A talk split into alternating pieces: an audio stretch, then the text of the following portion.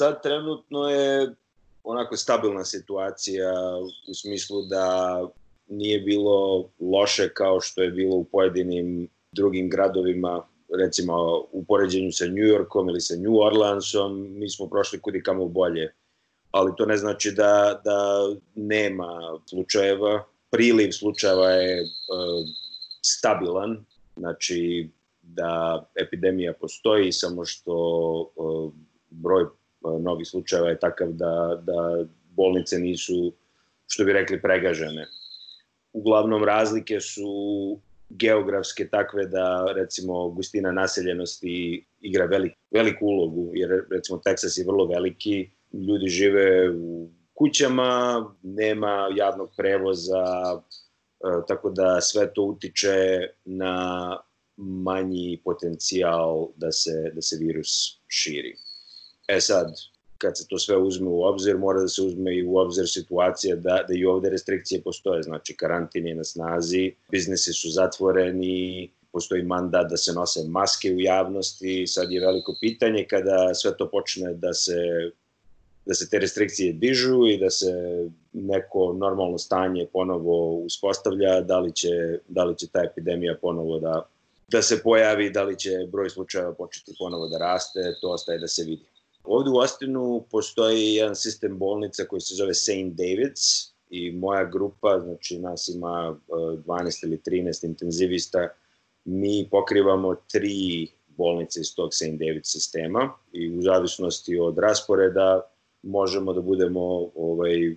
u, u intenzivnoj nezi ili u jednoj ili u drugoj ili u trećoj. Ja uglavnom uh, provodim vreme između dve bolnice, jedna je dole na, na jugu Ostina, druga je u predgrađu Ostina koja se zove Round Rock u Americi. Ti intenzivisti mogu da, da budu subspecijalisti koji dolaze ili iz interne medicine, ili iz anestezije, ili iz hirurgije. Znači, prvo se završi specializacija i onda dodatno se završi subspecializacija u toj intenzivnoj nezi. Znači, e, naš posao se zasniva na, na tretmanu tih najtežih pacijenata koji uh, zahtevaju life support, znači da li je mehanička ventilacija u pitanju, presori za tretman šoka, uh, ekstrakorporalna cirkulacija i, te neke vrlo napredne tehnologije koje održavaju te najteže pacijente u životu naš kapacitet nikad nije dostigao taj nivo da smo morali da proširujemo intenzivne nege van jedinica koje jesu intenzivne nege, ali mnogi drugi gradovi su to morali da urade. Ako uzmemo u obzir, recimo New York, tamo su cele bolnice postale bukvalno intenzivna nega i svi pacijenti su bili pacijenti sa COVID-19. U zadnjih mesec dana, znači, intenzivna nega, recimo, na toj bolnici, u toj bolnici na, na jugu od 28 kreveta, znači nekih 50 do 60% su bili pacijenti sa COVID-om. Uglavnom, znači ujutru kad se dođe kolega koji je tu preko noći da nam raport, onda krenemo u vizitu gde e, sve pacijente, da li su sa COVID-om ili ove ostale, pregledamo, e, sestre daju njihov raport, onda imamo multidisciplinarne, ovaj, multidisciplinarnu uh,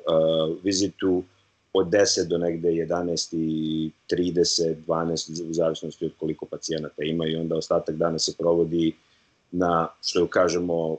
ili dokumentaciji ili se ide i novi pacijenti se primaju, uh, ovi koji su već tu, njihovo stanje se nekad pogorša, onda moraju neke intervencije da se rade, konsultacije sa konsultantima i uglavnom ceo dan je prilično busy, pogotovo ako, ako je većina tih pacijenata na nekoliko različitih life support sistema, znači management pacijenta i svih tih tehnologija zahteva dosta vremena i, i prilično je naporno mi smo anticipirali da, da može doći do situacije u kojoj nam ponestane ventilatora. E, nažalost, koordinacija sa tog nekog federalnog nivoa je bila um, prilično haotična. Desilo se to da, da države, savezne države i da bolnice su bile prepušteni bili su prepušteni sami sebi da, da nađu načina da dobave dodatne ventilatore, dodatnu zaštitnu opremu, tako da je u jednom momentu bilo prilično haotično gde su se savezne države bidding against each other, što bi rekli, znači da su bili u tom nekom aukcijskom ratu, isto ovaj, važi i za bolnice i za te neke velike bolničke sisteme. Na, na sreću, kao što sam rekao, epidemija nikad nije, uh, bar ovde u Teksasu, dostigla te razmere da, da nam je ponestalo ventilatora. Zaštitna oprema je u početku bila prilično deficitarna i to smo morali da štedimo, ali s druge strane ono što smo primetili klinički, znači uh, kako je vreme odmicalo i kako smo imali uh, sve više iskustva sa ovim pacijentima, jeste da, nažalost, ventilatori su ili respiratori su vrlo neefikasni u smislu da ti pacijenti kojima se stanje pogorša do, do te mere da im je potreban respirator, jednom kad ih stavite na respirator, vrlo mali broj sa tog respiratora dočeka da, da e, se skine sa respiratora i, i da preživi e, najtežu ili najteži oblik COVID-19, tako da su pojedini pojedine e, studije, prvo iz Kine, onda iz Italije i, i sad e, najskorije iz Njujorka. Cifre su prilično obeshrabrujuće do te mere da nekih 80 do 90 posto pacijenata koji završe na respiratoru ne prežive. Svi pacijenti ne završe na respiratoru. Na početku ove epidemije naš klinički instinkt je bio taj da ako potreba za kiselnikom počne da raste rapidno, da ih stavimo na respirator ranije nego da čekamo da se situacija pogorša i da to postane uh, urgentna situacija. Međutim, kako je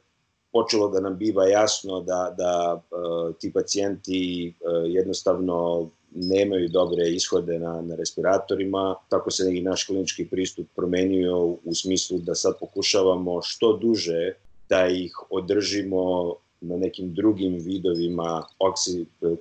terapije a, i da respiratore ostavimo kao bukvalno zadnju a, opciju. Nažalost, pojedini pacijenti, njihova situacija ili njihovo stanje će da se pogorša do te mere kada je respirator jedina opcija. Da li drugi vidovi kiselničke terapije imaju prednost ili mi jednostavno znači kupujemo vreme sa tim nekim uh, drugim mašinama koje mogu takođe, ali manje invazivno da, da uh, isporuče kiseonik, uh, ostaje da se vidi. Nema sumnje da, da ukoliko smo vrlo agresivni sa respiratorima, da pojedini pacijenti koji bi inače možda mogli da se provuku i sa tim manje invazivnim vidovima kiselničke terapije bi mogli da prežive i ako smo manje agresivni, onda će e, manji broj pacijenata da na kraju i, i zahteva respiratore, što će imati uticaje i na, i, i na uh, snabdevanje, ali, ali je poenta u tome da, da, da iz ovih ranih iskustava, pogotovo uh, iz sredina koje su imali vrlo veliki broj pacijenata, postalo je očigledno da, da agresivan pristup E, stavljanje pacijenata na respiratore nije najbolja strategija e, kad je u pitanju ova bolest.